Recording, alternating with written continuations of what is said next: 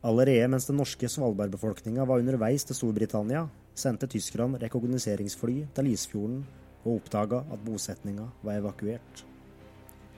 I løpet av høsten ble en mindre ingeniørstyrke på 30 mann sendt til Longyearbyen for å utbedre flystripa i Adventdalen, slik at større fly kunne lande.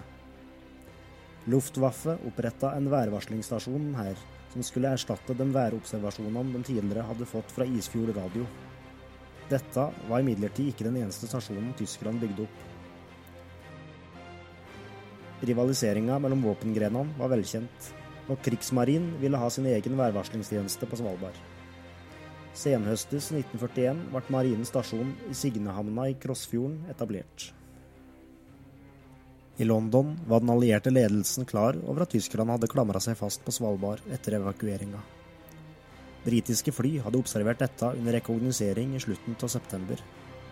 Med tanke på konvoiene til Nord-Russland, som nå var under planlegging, hadde òg de allierte behov for en værtjeneste. Tyskernes okkupasjon var derfor bekymringsfull, særlig hvis de stasjonerte jagerbombere på Svalbard. Parallelt med at det britiske admiralitetet planla mottiltak, pressa det norske miljøet på for å gjenerobre Svalbard. Drivkraften var først og fremst direktør Sverdrup og den nye formannen i Store Norskes eksilstyre, Hilmar Reksten.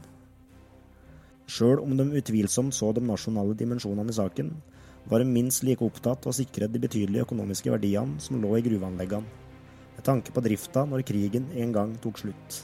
Store Norske hadde kontorer i Kingston House i London, sammen med den norske regjeringa. Dette, i tillegg til Rekstens gode kontakter, gjorde det lettere å få gjennomslag for en norsk ekspedisjonsstyrke, til tross for skepsis i den militære ledelsen.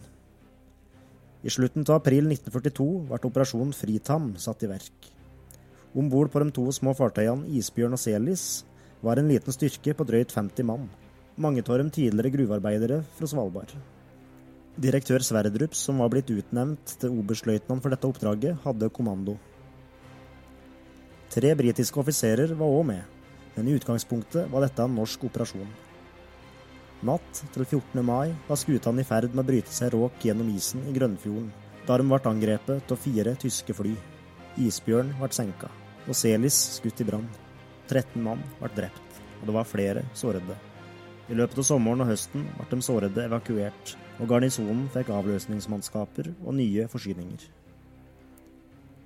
Kommandørkaptein Ernst Ullring ble utnevnt til ny militærguvernør, og overtok kommandoen for en styrke på drøyt 80 mann.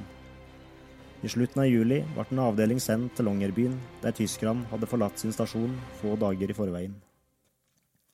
Nordmennene befesta Longyearbyen og oppretta kontakt med basen i Barentsburg. Svalbard var gjenerobra. Nesten.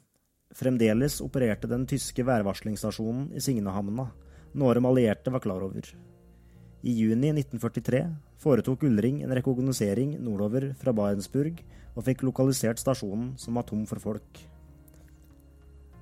Mens han returnerte til Barentsburg etter forsterkninger, kom de gjenværende norske soldatene i kontakt med mannskapene på stasjonen, som hadde oppholdt seg i en reserveleir et stykke unna. Én tysker ble drept, mens de andre klarte å flykte og varsle til fastlandet om det som hadde skjedd. To dager senere, etter at Ullring var vendt tilbake med forsterkninger, ble de fem gjenværende tyskerne henta av en ubåt. Deretter gikk ubåten videre inn i fjorden og beskjøt den norske leiren i Signehamna. Én norsk soldat ble drept under angrepet, men så trakk ubåten seg ut. Ei drøy uke senere var nordmennene henta av en britisk ubåt. Tyskerne avvikla ikke sin værtjeneste på Svalbard etter disse hendelsene, men flytta virksomheten nordover på øygruppa både med automatiske og bemanna stasjoner. På nordsida av Liftefjorden opererte stasjon Krausritter, som var i virksomhet fram til sommeren 1944. Og i Ribfjorden på Nordøstlandet drev elleve mann stasjonen Haudegen vinteren 1944 til 1945. Den siste ble avvikla først 3.9.1945, da mannskapene overga seg på en udramatisk måte til selfangstskipper Ludvig Albertsen på Blåsel, som han sendte opp for å hente tyskerne. Den såkalte værkrigen på Svalbard ble altså nokså ublodig. Både tyskerne og de allierte dro nytte av de meteorologiske observasjonene. Men dette innebar òg at ingen av partene vant denne krigen. Både britiske og tyske ubåter og fly opererte i området i krigsårene. og farvannene rundt øygruppa var et utgangspunkt for tyske ubåtangrep mot konvoitrafikken. I det store og hele lå Svalbard likevel utafor kampsonene. Derfor virker òg den tyske marinens massive angrep på Svalbard i september 1943 helt ute av proporsjon. Hva var det som lå bak? Du har nå hørt episode tre i programserien Værkrigen, ei serie om andre verdenskrig på Svalbard.